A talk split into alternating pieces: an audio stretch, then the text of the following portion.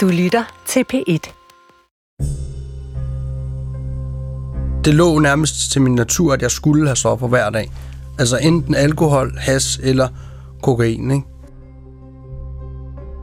Det er jo, det er jo, vanvittigt. Det er jo en vanvittig rejse, han har været ude på. Jamen, jeg hedder Tobias, og jeg er 33 år gammel, og jeg er en addict, helt ud til fingerspidserne. Øh, og jeg har været i aktivt misbrug i, jeg tror omkring 17-18 år eller sådan noget. Og jeg har været clean nu i 3 år, 11 måneder og ja, næsten, næsten 4 år. Her den 11. november har jeg været clean i 4 år.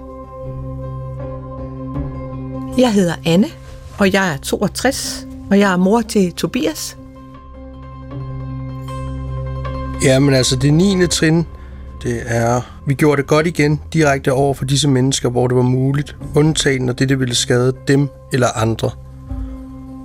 Da jeg sådan mødte indad for første gang, det var, da jeg var kommet i behandling, og så øh, blev, blev, vi, blev vi kørt til møder i behandlingen. Og så tænkte jeg bare, hvad fanden er det her for noget, mand? De er jo sindssyge, de her mennesker. Øhm, og jeg kan huske, at jeg tænkte, de sad og løg. Dem, der sagde, at de var ædru, der, der sagde de jo, de var ædru, ikke? Det var AA-møde. Øh, og så tænkte jeg det der med, at det er, jo, det er jo bare dumme mennesker, fordi for mit vedkommende tænkte jeg, så handler det bare om, at jeg skal bare lære at styre mit forbrug. Jeg hedder Jakob og jeg er sponsor. Det vil sige, at jeg hjælper andre alkoholikere i vores fællesskab, øh, dem vi kalder sponsees. Jeg har været ædru i cirka 20 år, og jeg har været sponsor i cirka 18 år. Sponsine, de skal igennem de 12 trin. Det skal vi jo alle sammen, men, men jeg hjælper sponsin igennem de 12 trin for at få en bevidst kontakt til en højere magt. For at få en åndelig opvågning. Og det er grundessensen i vores tilgang til alkoholisme i AA, det er at få en åndelig opvågen, sådan at du kan forblive ædru. Og så der, der bliver mødt meget det der med, det jeg blev meget mærke i, det var, at der blev sagt Gud, og jeg, jeg så det som en øh, sigt, en religion, og sådan, at det, altså, jeg synes, de var vanvittige. Jeg løb jo ud igen, og så tog jeg noget igen. Øh, jeg har været i døgnbehandling fire gange, øh, men, men alle gangene, så er jeg blevet introduceret, eller så er jeg blevet, så er jeg blevet ja, introduceret til, til NA igen, og sådan for hver gang, så har jeg sådan, er jeg løsnet lidt mere op. Øhm, jeg kan huske, forrige gang, øh, der begyndte jeg at gå til møder faktisk, øh, sådan nogenlunde regelmæssigt, men det var mere på grund af, at der var nogen, der sagde til mig, at det ville være godt for mig. Og det der med at få noget fællesskab og sådan noget, men jeg var, jeg var, havde en fod i hver lejr, fordi jeg var bundkriminel. Øhm, jeg var clean på det tidspunkt, men jeg havde stoffer med til møderne og sådan noget. Ikke noget, jeg solgte til dem, men jeg tog ud til nogle andre, lige så snart møderne var slut, og så solgte jeg det. Og jeg kom bare til mødet lige når det startede, og så gik jeg lige når det sluttede.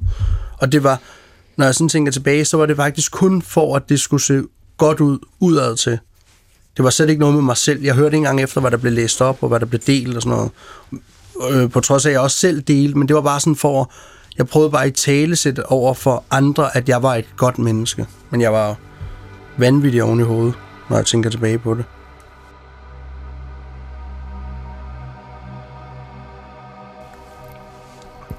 Jeg tror, jeg var 12-13 år eller sådan noget, da jeg prøvede at ryge hash første gang.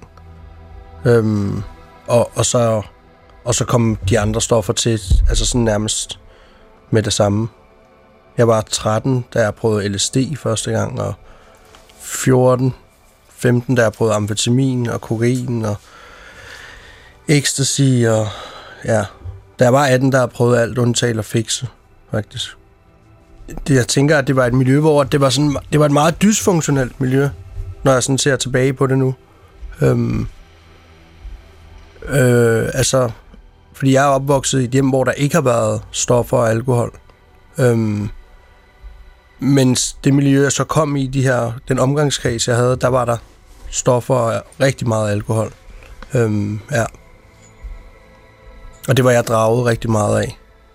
Fordi det var sådan noget, man ikke måtte. Det kunne jeg godt. Det var jeg. Ja, det synes jeg var spændende.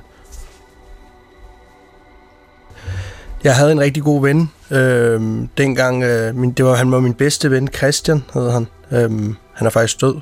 Han døde nogle år efter. Øh, men, men vi han havde nogle forældre, som der også var meget alkoholiseret, øh, og de havde en forretning, øh, hvor de øh, solgte sådan noget, hvad hedder det, fast food eller sådan, øh, og alkohol i store mængder. Og så, så havde han en eller anden idé om, at det kunne han da lige stjæle noget af. Og det, det synes jeg var en rigtig god idé, fordi jeg kunne da godt tænke mig at prøve at drikke sådan rigtigt. Og så gjorde vi det. Så delte vi en flaske vodka og en flaske martini i en tår hver. Og så drak vi noget appelsinjuice bagefter. Øhm, og, og der var jeg 11, ikke? og han var, jeg tror, han var 12. Og det resulterede så i, at øh, ja, jeg fik et blackout rimelig kort tid efter. Og blev faktisk båret hjem af nogen, der var ældre end mig. Øh, nogle også en omgangs, nogle, af, nogle af mine venner, øh, som der bar mig hjem til min mor, og så blev jeg hentet af en ambulance.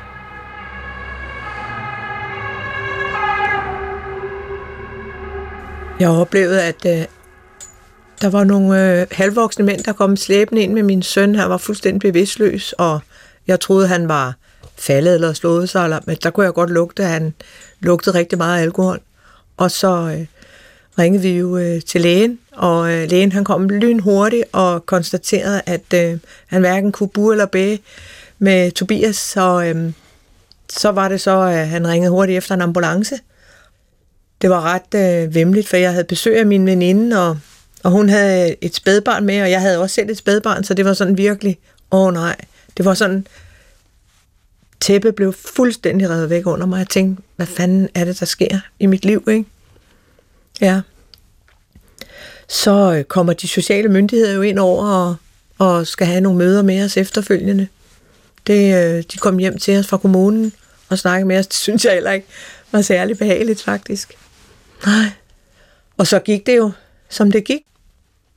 Jeg tror faktisk allerede, eller det går i gang, der der er 11, dengang jeg rører til udpumpning, hvor jeg får den der følelse af at indtage noget, og så bare komme fuldstændig væk fra virkeligheden. Og øh, det følger mig faktisk lige fra den dag af. Jeg, jeg var bare draget og det der med at, at, at komme væk fra virkeligheden. Jeg, jeg, kunne ikke, jeg kunne ikke forholde mig til at være inde i mig selv. Det synes jeg ikke var specielt fedt. Øhm, så det var et... Øh, det var jo rigtig meget stoffer og alkohol øhm, og kriminalitet. Øh, rigtig meget kriminalitet, jeg lavede på det allerede dengang. Ikke? Det startede jeg med, da jeg var 13. Øhm, det startede faktisk før. Jeg tror, det startede allerede, da der var 9-10 år med noget, noget herværk. Men det er jo i bund og grund også kriminalitet. Øhm, og det ledte så videre til, at da jeg var 13, så lavede jeg mit første indbrud øhm, i et sommerhus. Og det var ikke engang for at stjæle noget, det var faktisk bare for at der var en, der havde en idé, og han var lidt ældre end mig, og den synes jeg var mega god, fordi det var det der med spænding og adrenalin. Så det drejede sig faktisk bare om at bryde ind, og så smadre et sommerhus fuldstændig. Øhm, og så var det det der med, at jeg slap faktisk fra, fra det, fordi at, øhm, at vi var blevet set ud ved det her indbrud. Men der blev taget nogle billeder af mig på politistationen og sådan noget, og så viste det sig, at hende, der havde set nogen, der begik det her indbrud, hun sagde, at det ikke var mig. Og der fik jeg sådan en følelse af, at jeg kunne snyde hele systemet. Og så fik jeg sådan blod på tanden. Og det er en syg tanke, men det var sådan, jeg tænkte dengang. At jeg, nu tænkte jeg, okay, nu kan jeg virkelig tage røven på folk. Og så begyndte jeg at gøre det i stor stil, kan man måske roligt sige. Altså, jeg hører mange, der siger sådan, at de har en abe, der siger, at man, det skal man gøre, og så er der en anden, der siger, at man ikke skal gøre det. Men jeg havde kun en, der sagde, at jeg ikke skulle gøre det. Det var min mor. Men hende skjul, for jeg forsøgte at skjule det på måde, alle måder og metoder for hende, hvad det var, jeg egentlig lavede. Øhm, ja, og jeg kan huske, at jeg var sådan levet meget sådan dobbeltliv, fordi jeg kunne godt lide at læse om stoffer og kriminalitet og sådan noget. Og så gik jeg hjem og sagde til min mor, prøv at se, hvad jeg lige har siddet og læst om, at hvis man tager de her stoffer, så sker der det og det og det, og, og så hun sad der, gud nej, det må du aldrig gøre, dreng, det kunne jeg aldrig finde på at gøre, sagde jeg. Og så gik jeg direkte ud og gjorde det, ikke? Fordi jeg var så nysgerrig på det, jeg kunne ikke lade være. Vi levede jo i sådan et lille samfund, hvor at alt var i min optik sådan lutter, idyll og, og sådan lidt landsbyagtigt og ude på landet. Og, så øh, egentlig så kom det meget bag på mig, at der var så mange øh, misbrugere i det der lokalsamfund, vi var i, og også forældre. Så ja, indimellem så opdagede jeg det, fordi så kom øh, landbetjenten jo pludselig og bankede på min dør, at nu havde øh, Tobias gjort det, og nu var det det, og, og så snakkede jeg jo også med andre forældre, og jeg kunne godt se, at, øh, at det var rigtigt. Der foregik altså noget her, der var ikke var helt godt, og, og så øh, nogle gange om aftenen gik jeg rundt og ledte efter Tobias, og så fandt jeg ham hjemme ved, ved nogen, hvor jeg tænkte, hvad fanden foregår der her? Ikke? Så havde de sådan et helt annex for sig selv, hvor de simpelthen lå bare fuldstændig dopet af alt muligt lort.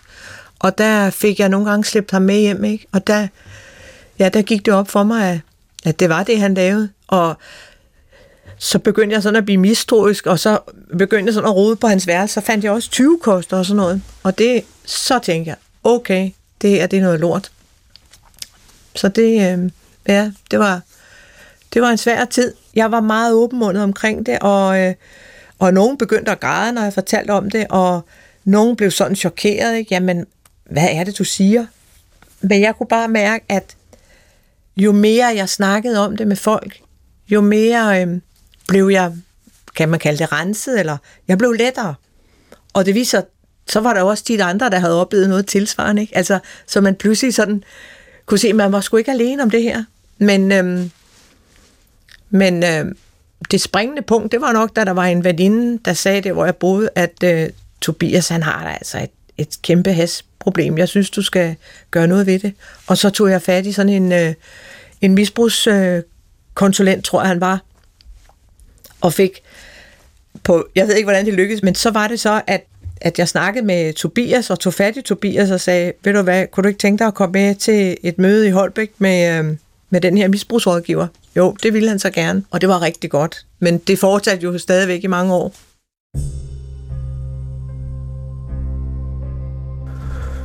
Jeg var ude for en ulykke, hvor at, øh, jeg var sammen med sådan en flok af venner. Vi var altid sådan en 4-5 stykker, der godt kunne lide at lave kriminalitet. Og det, lige på det tidspunkt, så gik vi meget op i at stjæle motorcykler. Nogle gange så var det biler, nogle gange så var det motorcykler. Ja, lige på den periode, der var det motorcykler. Øhm, og øh, vi har så stjålet sådan en stor 1200 kubik motorcykel, øhm, som vi synes, det var rigtig fedt at ligge og køre rundt på. Og, og den var jeg, jeg, det var så min tur til at køre på den, og, øh, og så stod vi op på en havn op i Vestjylland. Øhm, en sommerdag var det. Og så så vidste jeg godt, at når jeg røg has, så vidste jeg godt, at jeg fik sådan en paranoia. Men jeg kunne ikke lade være med at ryge has alligevel, fordi at jeg, jeg var jo, ja, jeg var jo også en addict dengang. Det har jeg nok altid været. Men øh, jeg skulle lige ryge en masse væs på den her joint, og så skulle jeg sætte mig op på den her motorcykel. Og, øh, og det gjorde jeg så. Og så lige snart jeg satte mig op på den og startede den, så kunne jeg godt mærke, at det var sådan lidt... Det føltes ikke så bekvemt, fordi at når, man, når jeg er skæv, så tænker jeg over tusind gange så mange ting, som jeg gør, når jeg ikke er skæv. Øh, og jeg begynder at køre, og så i et sving, så ser jeg, at der kommer en patruljevogn kørende imod mig. Og lige det, den passerer mig, så slår den blinket til. Og så det første, jeg tænker, det er, at nu skal jeg bare væk herfra. Så jeg giver bare helt vildt ned på den her motorcykel, og så fyrer jeg den bare helt vildt af. Og den er sådan en, den, er jo, den kører jo vanvittigt hurtigt, sådan en. Det er en stor motorcykel, ikke? Du kan jo nærmest ikke få dem større. Øhm, og det resulterer så i, at at jeg rundt i et sving mister herredømmet over den, og forsøger at bremse, øh, fordi det her sving det simpelthen er alt for skarpt. Men jeg ryger så ned i en grøft, og så lander motorcyklen ovenpå mig med på det venstre ben først, mener jeg, og så ryger jeg over i den anden side af grøften, og så ryger jeg over på, den, på det andet ben, og det knækker så begge mine ben, faktisk. Så jeg får åben benbrud på det ene, og det, nej, det får jeg vist på dem begge to, tror jeg faktisk. Øhm, og besvimer så med det samme, ikke? og kan ikke huske noget efter der.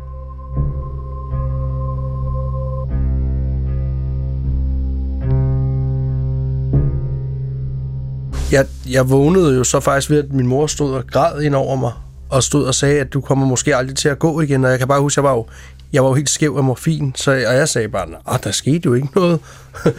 Øh, jeg har nærmest ikke opfattet, hvad der var sket, før jeg sådan får kigget, at mine ben de er sådan hængt op i luften, fordi at det, det bedste ben er oppe over hjertet, når man jeg har været igennem, jeg ved ikke, hvor mange operationer, og ja, det var, havde sådan nogle marv i begge ben, og metal og, eller titanium i begge ben og skruer over det hele. Og, ja, det var sådan ret, øh, det var ret vildt, kan jeg huske. Um, og der, der startede det sådan det der med, at min mor, hun sagde til mig, da jeg var, sådan, var vågnet sådan helt op efter noget tid, at, og der var sådan gået nogle uger, tror jeg, at nu skulle jeg til at ud fra hospitalet. Um, og så satte hun sådan et ultimatum for mig, at, at hvis ikke jeg, altså jeg kunne flytte hjem, hvis jeg gik i behandling, i døgnbehandling, tror jeg, hun sagde faktisk. Og jeg var bare sådan, er du fuldstændig sindssyg, mand. Jeg har jo ikke noget problem, mand. Jeg kunne slet ikke se det der overhovedet. jeg var bare sådan, jeg tænkte bare, det døde jeg jo heller ikke af, det her, så alt er fint. Nu skal jeg bare lige op og lære at gå igen, ikke? Øhm, og så var det sådan, at det, var, det mente hun faktisk. Altså, det, jeg kunne ikke flytte hjem igen. Og så var jeg sådan, jeg, det var jo ikke engang heldigt, fordi at det var faktisk, jeg tror faktisk, det var det, der var med til, at det gik helt galt for mig, fordi jeg fik en kæreste, imens jeg lå på hospitalet. Øh, en, som var min barndomsveninde faktisk igennem rigtig mange år, som vi har gået igennem tygt og tyndt mig og hende sammen. Og hun ville blive lige pludselig forelsket i mig, åbenbart, imens jeg lå der på hospitalet. Jeg kan også huske, at jeg spurgte hende, hvorfor. Men det var fordi, så for første gang så oplevede hun mig, hvor der var ro på. Øhm, og så, så sagde hun sådan, jamen, så kan du bare flytte hjem til mig. Og så tænkte jeg bare, yes, det gør jeg. Det er en rigtig god idé. Og så flyttede jeg direkte hjem til hende i rullestol og på krykker. Og... Ja, Altså, den første tanke var, at det her, det, øh, det kan ikke fortsætte i mit hjem. Altså, det, jeg kan simpelthen ikke... Øh, jeg kan simpelthen ikke rumme det mere. Så jeg havde også været i dialog med Kriminalforsorgen, og så ringede jeg og snakkede med en øh, dame fra Kriminalforsorgen, og jeg sagde, hvad skal jeg gøre? Nu skal du høre, sagde hun, jeg har en rigtig god idé. Og, den, og det, jeg, jeg lyttede til hende, og jeg gjorde faktisk det, hun sagde. Hun sagde, nu tager du op på sygehuset, du pakker en kuffert og en stor sort plastiksæk, og så siger du til ham, ved du hvad, øh, når du bliver udskrevet herfra, så bor du ikke hjemme hos mig mere. Øh, med mindre, at du skriver under på den her aftale om at gå i døgnbehandling, og så laver du et papir, hvor han skal skrive under. Og det gjorde jeg. Fordi, og det var også det, hun sagde. Du synliggør, når du kommer med al hans sammengud, at det her, det mener du fandme. Og, men der gik noget tid, før jeg gjorde det, for jeg skulle mærke efter, om det virkelig var det, jeg mente. Fordi det er det er deldøl med hårdt at skulle smide sit eget barn ud.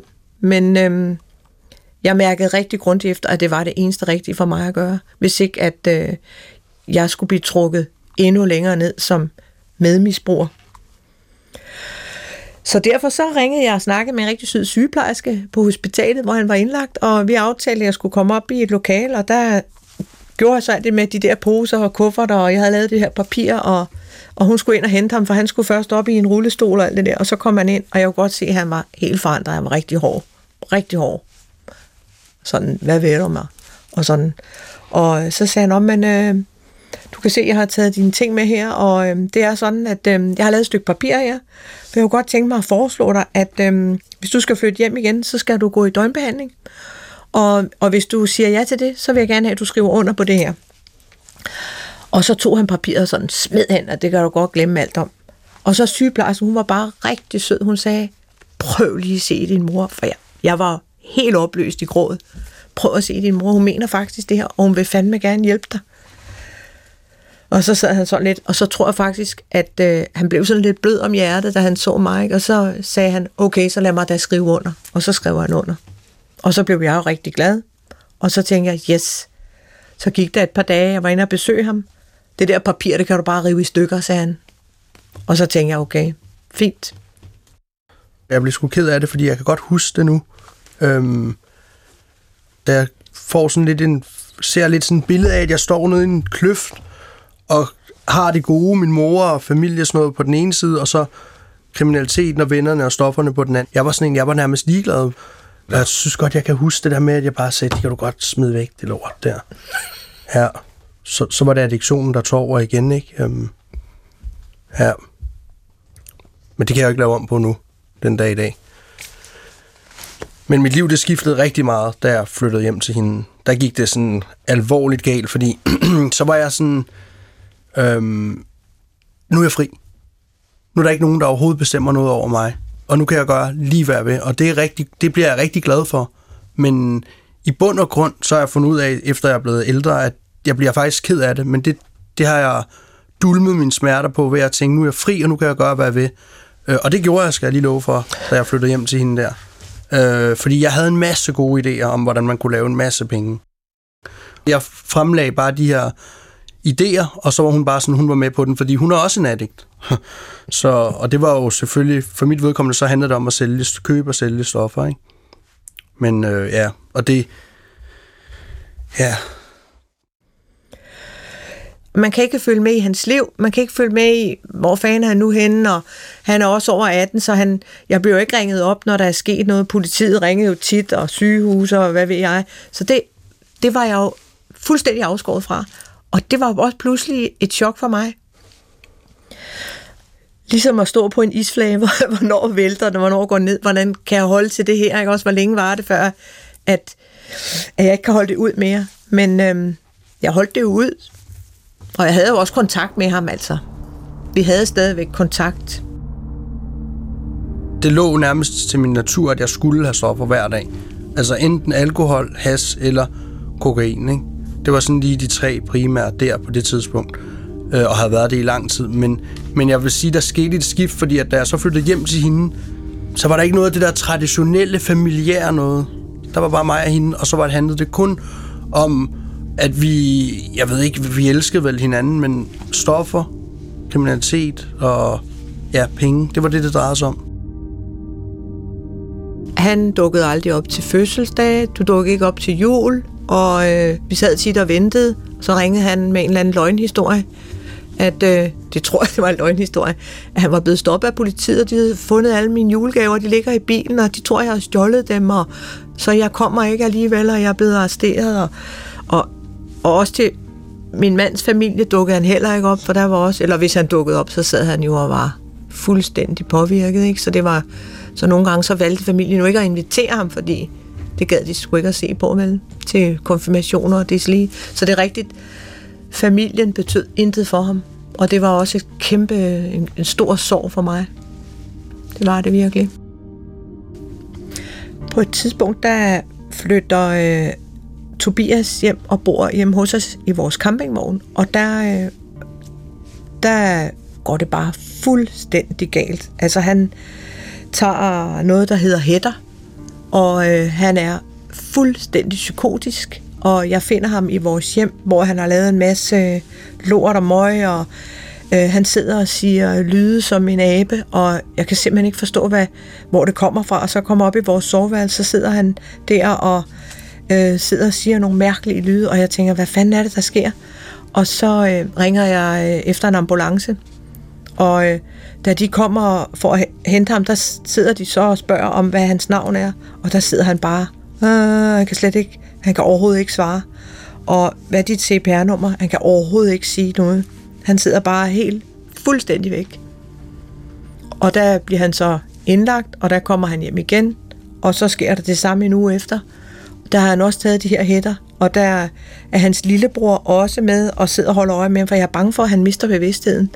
Og der kommer de også med fuld udrykning, og der bliver han også kørt ind igen. Og der kan jeg se, altså hans, han er usøjneret, hans krop, det er hele, altså han er fuld af betændelse og sådan noget. Det er virkelig, altså der tænker jeg, dø hellere end det her liv. Det er simpelthen så langt ned, jeg kommer, hvor jeg tænker, det er bedre, at du dør, for så får du fred. Og så får vi andre også fred. Altså det er skide bare at sige det, men det er bare der, man kommer til.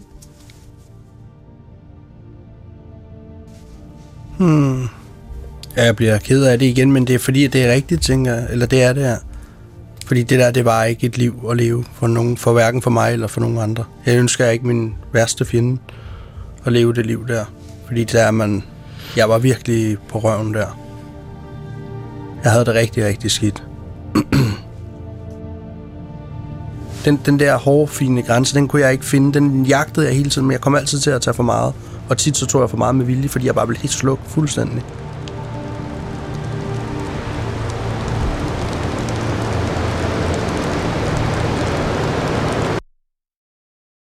Det var først denne her gang, da jeg kom i behandling, at så blev jeg ramt af, af NA's øh, program fuldstændig. Så der, blev, der var jeg solgt. Det var faktisk på min første clean-dag, den 11. 11. 2018. Øh, det var sådan på det her behandlingssted, der måtte man først komme med til møde, når man var clean. Og så var det lige præcis den dag, jeg havde første clean-dag, at vi skulle til møde en søndag. Øhm, øh, og det var, sådan, det var faktisk lidt pudsigt, fordi der var to kvinder på det her behandlingssted, som der havde snydt med. Det var sådan noget med, at hvis der var for mange, der havde meldt sig til, så skulle der trækkes lod om det. Og så var jeg faktisk en, der tabte til det her men så byttede de om på det, fordi de kunne mærke, lige siden jeg kom ind i behandlingen, hvor meget jeg brændte, for jeg ville noget andet med mit liv. Øhm, og det har jeg faktisk ikke fortalt til nogen før, men det er faktisk... Der er jo så en anden, der ikke kom med på grund af det, men, men det var en, der havde været med, og der bare kom af nogle andre årsager. Øhm, blev der i hvert fald sagt, og jeg brændte virkelig for det, så jeg kom med på sådan et, på lidt snyd, og så blev jeg bare ramt af en energi, som jeg aldrig nogensinde har oplevet før i hele mit liv. Aldrig nogensinde. Ingen gang, når jeg har taget alverdens stoffer.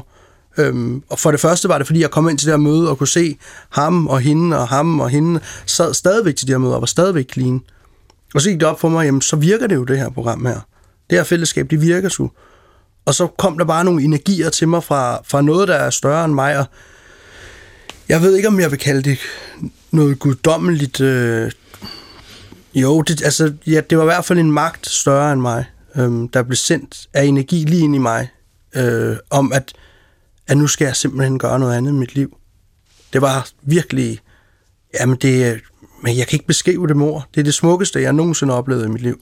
Det var den der energi, jeg blev ramt af det, og jeg, og jeg havde første clean dag, også jeg var lige kommet ud af metadon og benzo, og jeg havde det så vildt, men samtidig så havde jeg det så godt. Der oplever jeg en anden Tobias, når han fortæller om de her møder, hvordan, hvordan det har rørt ham, og det rører også mig rigtig meget. Og øh, så på et tidspunkt begynder han, han jo at gå til rigtig mange møder, og, øh, og det synes jeg har været rigtig godt. Altså, øh, jeg har prøvet at sætte mig sådan lidt ind i, hvad handler det om, og følge med i de der trin, som der er. Og øh, nogle gange så har Tobias sendt mig nogle billeder af, af teksterne, som jeg har læst, og jeg må indrømme, at jeg er blevet meget rørt. Jeg er heller ikke religiøs på nogen måde, men jeg blev rørt, fordi at det det, det er simpelt, det der står faktisk. Det er noget, enhver kan forholde sig til at relatere til, og det synes det, det siger også noget til mig, som pårørende og som mor. Så det er, jeg synes, det er meget smukt, faktisk. Jeg sad faktisk et rigtig... Nogen vil nok kalde det et sørgeligt sted, men jeg vil faktisk kalde det en red... En, altså for mig var det en redning. Jeg var, jeg var indsat i et fængsel på det tidspunkt, i et arresthus, øhm, for noget kriminalitet, jeg havde begået. Øh, og, øh, og jeg var kommet derind clean i det her arresthus. Øhm, og, og var kommet ind og holdt mig faktisk lige på min knor, på min stedighed øhm, og havde det rigtig svært de første par måneder, fordi at der var det bare mig, der skulle holde mig clean, tænkte jeg. Og det tænkte jeg, det, at jeg var jo blevet introduceret fra NA og sådan noget, da jeg var i behandling, men jeg blev hævet ud af den her behandling på grund af en, noget, en dom, jeg skulle ind og afzone, ikke? Noget, jeg blev varetægtsfængslet for. Men, men det der med, at jeg fandt ud af, at, øh, at jeg kan sgu nok ikke holde mig clean på min stedighed, så jeg begyndte at læse noget litteratur, jeg havde fået med fra NA to bøger. Øhm, og så dukker der det her sponsor op hele tiden, når jeg læste. For jeg læste til, da jeg havde været der i to-tre måneder, da jeg havde omkring tre måneder clean, så, så begyndte jeg at læse det her litteratur hele tiden, fordi jeg kunne bare mærke, at hvis ikke jeg gør det, så ender det med, at jeg tager noget, for der var stoffer inde i det her, det her resthus. Ikke? Øhm, det er der jo i alle resthuse. Men, men så dukkede det her sponsor og trin, det blev ved med at dukke op. Og så havde jeg sådan en, der kom fra den kommune, af jeg var tilknyttet, øhm, eller jeg, jeg boede i, inden jeg røg ind, tog i behandling og røg ind og sidde. Og han kom ind, og det var sådan en uddannelsesvejleder, men han blev mere sådan en slags mentor for mig.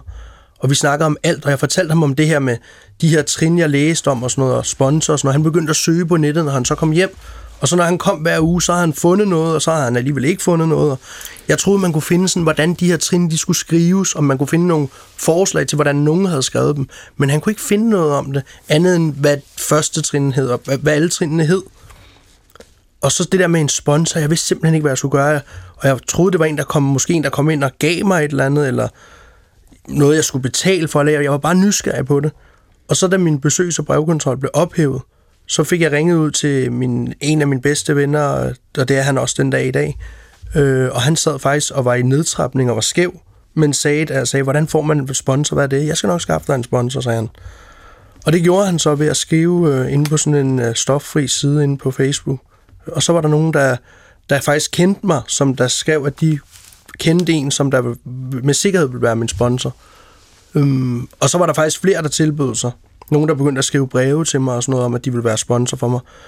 Øhm, jeg valgte så den første her, der blev foreslået. Øhm, og så begyndte han at komme ind i arresthuset og introducerede Altså, da, da jeg kan huske den første gang, han var inde hos mig og besøgte mig, da jeg så blev, skulle følges op på min, øh, på min celle igen, så tænkte jeg på vej op ad trapperne, den vej her, den går jeg nu, og jeg går hele vejen, da han havde sat mig ind i, hvordan jeg skulle skrive eller starte op på det her trinarbejde.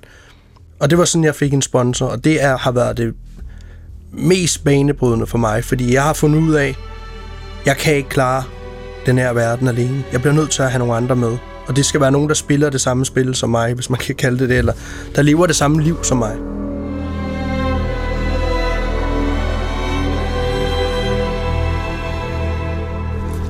Da min advokat kom og sagde til mig, at jeg først ville komme i retten syv måneder efter, så tog jeg en beslutning om, efter han sagde det, så hørte jeg faktisk ikke mere, hvad han sagde, da vi sad nede i det her besøgsrum. Så tænkte jeg, nu går jeg op og tager noget. Øhm, jeg hørte overhovedet ikke, hvad han sagde ellers. Og så, så på vej op ad trapperne, så har jeg fået papirerne med, hvor der stod datorerne på, hvornår jeg skulle i retten. Og jeg kom op på, på min celle der, og så satte jeg det op på min opslagstavle. Jeg har sådan meget system og lever meget sådan struktureret. Og så var jeg ved at skulle til at kalde på nogen ud, på, ud igennem et vindue, som der sad på en anden, i en anden celle, og jeg vidste, de havde noget liggende, som jeg kunne, noget jeg kunne tage af den ene eller anden art af et stof. Ikke? Og, øh, og så lige pludselig var der noget, der slog mig med de der datoer, han sagde. Han nævnte dem, men jeg hørte så det ikke efter. Og så gik jeg lige op på den opslagstavle og kiggede, og så stod der, at den sidste retsdag, hvor jeg vil få min dom, det ville være den 11. 11. 2019. Og så fik jeg bare kuldegysning, det får jeg også nu, igennem hele kroppen. Fordi så slog det mig, at hvad er det nu, der er noget med den dato, jeg kan ikke engang huske det. Men så da det slog mig, så har jeg jo et år clean den dag. Præcis et år clean. Den dag, jeg får min dom. Og der var bare noget åndeligt og noget spirituelt, jeg blev ramt af at der var en mening med, at jeg skulle holde mig clean, for jeg havde lige taget en beslutning om, nu tager jeg noget. Med, jeg kan ikke huske, hvor mange måneder jeg havde clean der, fordi at jeg kunne ikke se nogen udvej. Og så det, det sidste, det var så, da jeg så stod i retten, og jeg fik den her dom på en god del år i, i bag trammer, ikke også? Øhm, næsten fem år fik jeg. Der stod min mor, der havde fået dommen, og så stod hun og græd, og samtidig så grinede hun sådan lidt, og så kan jeg huske, da jeg så kom ned, for så må man snakke med ens pårørende kort, inden man bliver ført væk. Og så stod jeg, hvad, hvad fanden er det, du, du står og græder og griner, hvad, hvad, hvad er der galt med dig? Og så siger hun, jamen, jamen du er clean. Der faldt, der, der faldt femøren for mit vedkommende, fordi jeg har været clean mange gange, og jeg tror i bund og grund aldrig nogensinde, min mor, hun har turet og tro på, at jeg kunne forholde mig clean, før den dag. Og det du sagde, hun sagde også til mig, nu tror jeg på dig. Nu tror jeg virkelig på, at du forholder dig clean. Og det var også noget, noget åndeligt og spirituelt, Øhm, og jeg kan huske, at jeg sad og mediterede, når man, når man sidder og afventer nede i, i detentionen, der sad jeg og mediterede i de der 2 gange 45 minutter, og der kom jeg et sted ind i mig selv, hvor jeg aldrig har været før. Og jeg har mediteret lige siden, men jeg er aldrig kommet derind, hvor jeg var der. Og der bliver, sådan, der bliver, der bliver det okay, at lige meget hvilken dom jeg får, så er det sådan, det er, tænkte jeg. Og det, det var også noget meget åndeligt for mit vedkommende. At komme ind i mig selv og acceptere, at jeg har lavet en masse lort, og det bliver jeg nødt til at stå til regning for nu.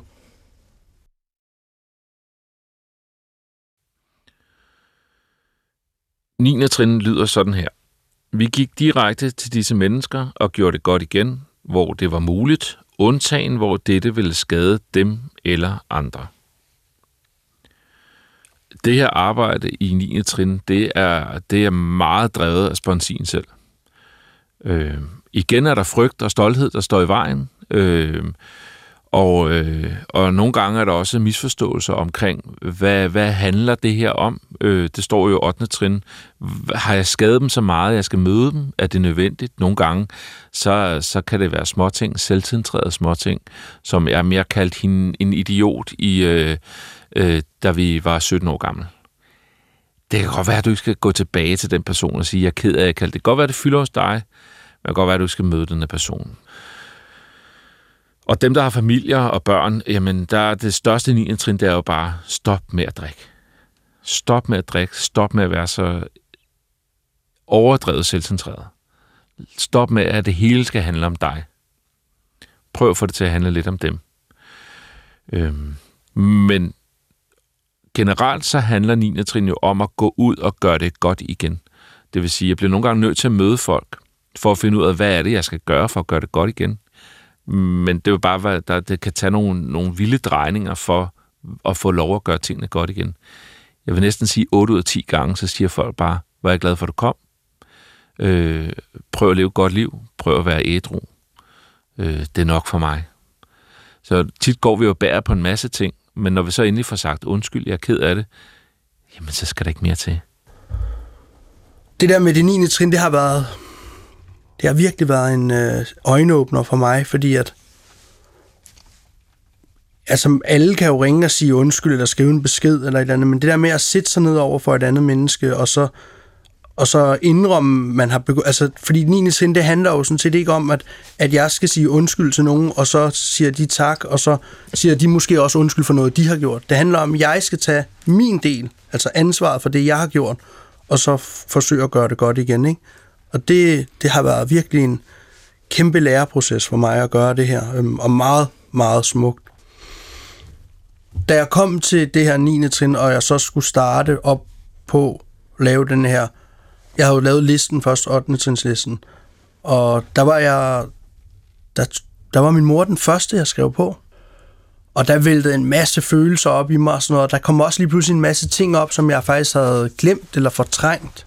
Øhm, hvor jeg har opført mig fuldstændig vanvittigt. Øhm, ja, men, men jeg synes ikke, det var faktisk ikke så slemt at, at skrive listen. Det, det var der, hvor jeg blev sådan udfordret, det var, da jeg skulle gå ud og så lave det her, selve 9. trinnet. Mm. Øhm, og det gjorde jeg faktisk på min mor, og på min stefar, og på min lillebror den samme dag. På et tidspunkt så øh, ringer han glædestrålende og siger, at øh, nu er jeg gået i gang med 8. trin, så nu laver jeg en liste med alle dem, som jeg har gået for træd, og du er den første på listen, mor.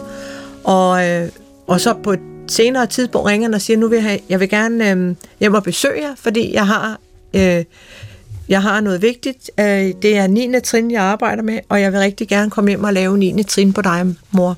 Om jeg må det? Ja, selvfølgelig må du det. Og der kom han så hjem, og, øh, og så gik vi op i stuen og satte os, øh, og så fortæller han mig så alle de ting, han gerne vil... Altså, øhm, kan man sige, gør, altså gøre godt igen, eller sige undskyld for, og og det, øh, alle de budskaber, han, eller alt det, han fortæller mig, det rører mig meget, meget. Og øh, det er bare, det er sådan en øjenåbner for mig, at hold op, der er virkelig sket noget, at nu skal han ud og rydde op i sit liv, og han vælger mig som den første. Ja, selvfølgelig gør han det, fordi jeg er den vigtigste person i hans liv, er jeg overbevist om. Og det har han også fortalt mig rigtig mange gange. Så øh, det er meget rørende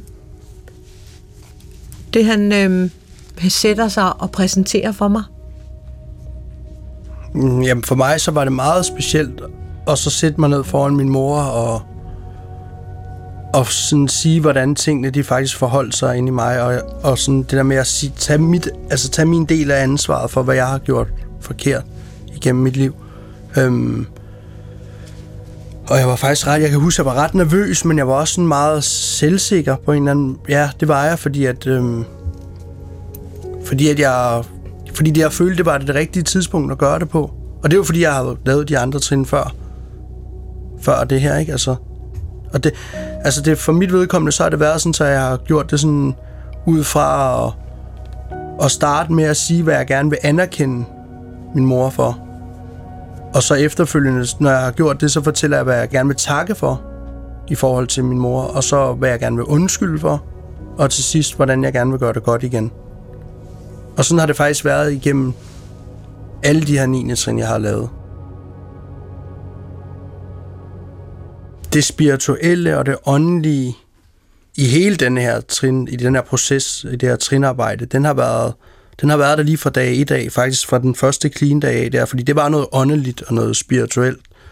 Der har været nogle, altså nogle kæmpe øjeblikke i forhold til de her 9. trin. Der var blandt andet i forhold til, at jeg havde lavet et indbrud en gang over på en ø, jeg boede på, da jeg var helt ung. Det var faktisk efter det første indbrud. Det var nummer to indbrud, jeg lavede, hvor vi fik nogle penge. Øhm, og, og det var også hos en misbruger. Øh, og det var jo en, vi kendte.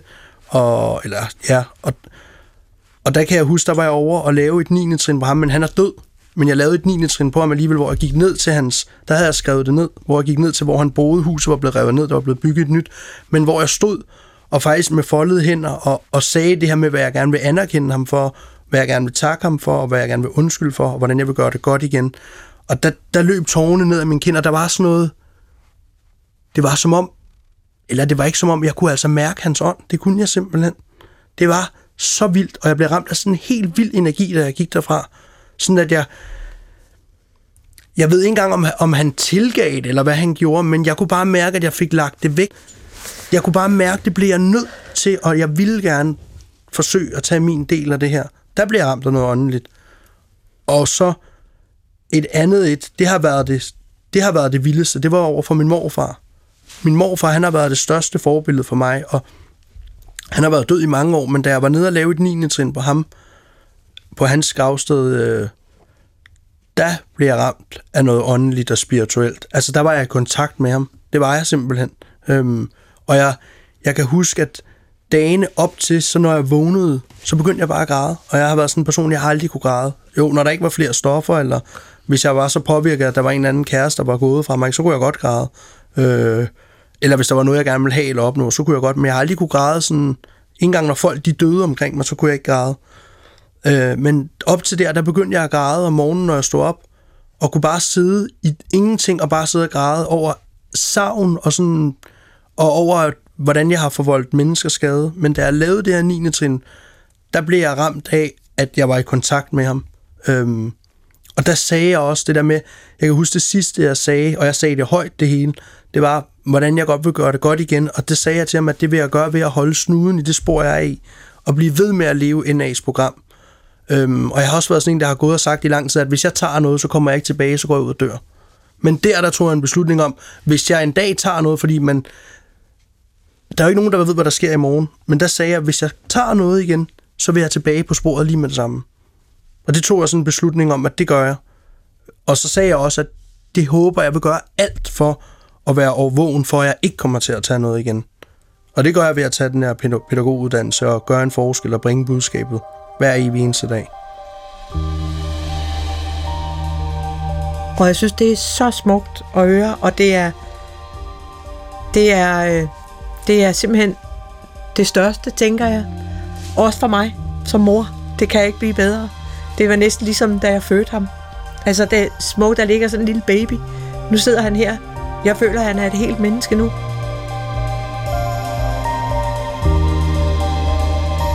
Uanset hvad, så er der jo ikke noget, der er sikkert her i livet. Og det kan vi jo aldrig vide. Vi kan aldrig vide, om folk, der har gennemført de 12 trin, får et tilbagefald. Og det tænker jeg nogle gange på, at det kan jo også ske for mit barn, eller min søn.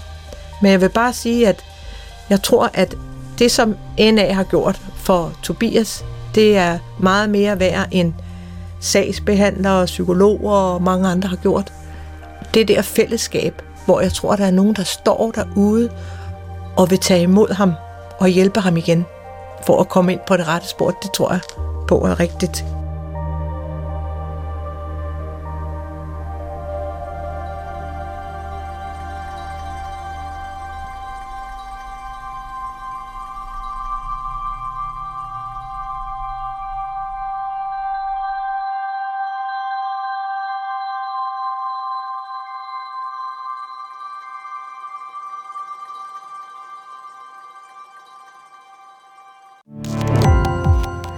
Gå på opdagelse i alle DR's podcast og radioprogrammer. I appen DR Lyd.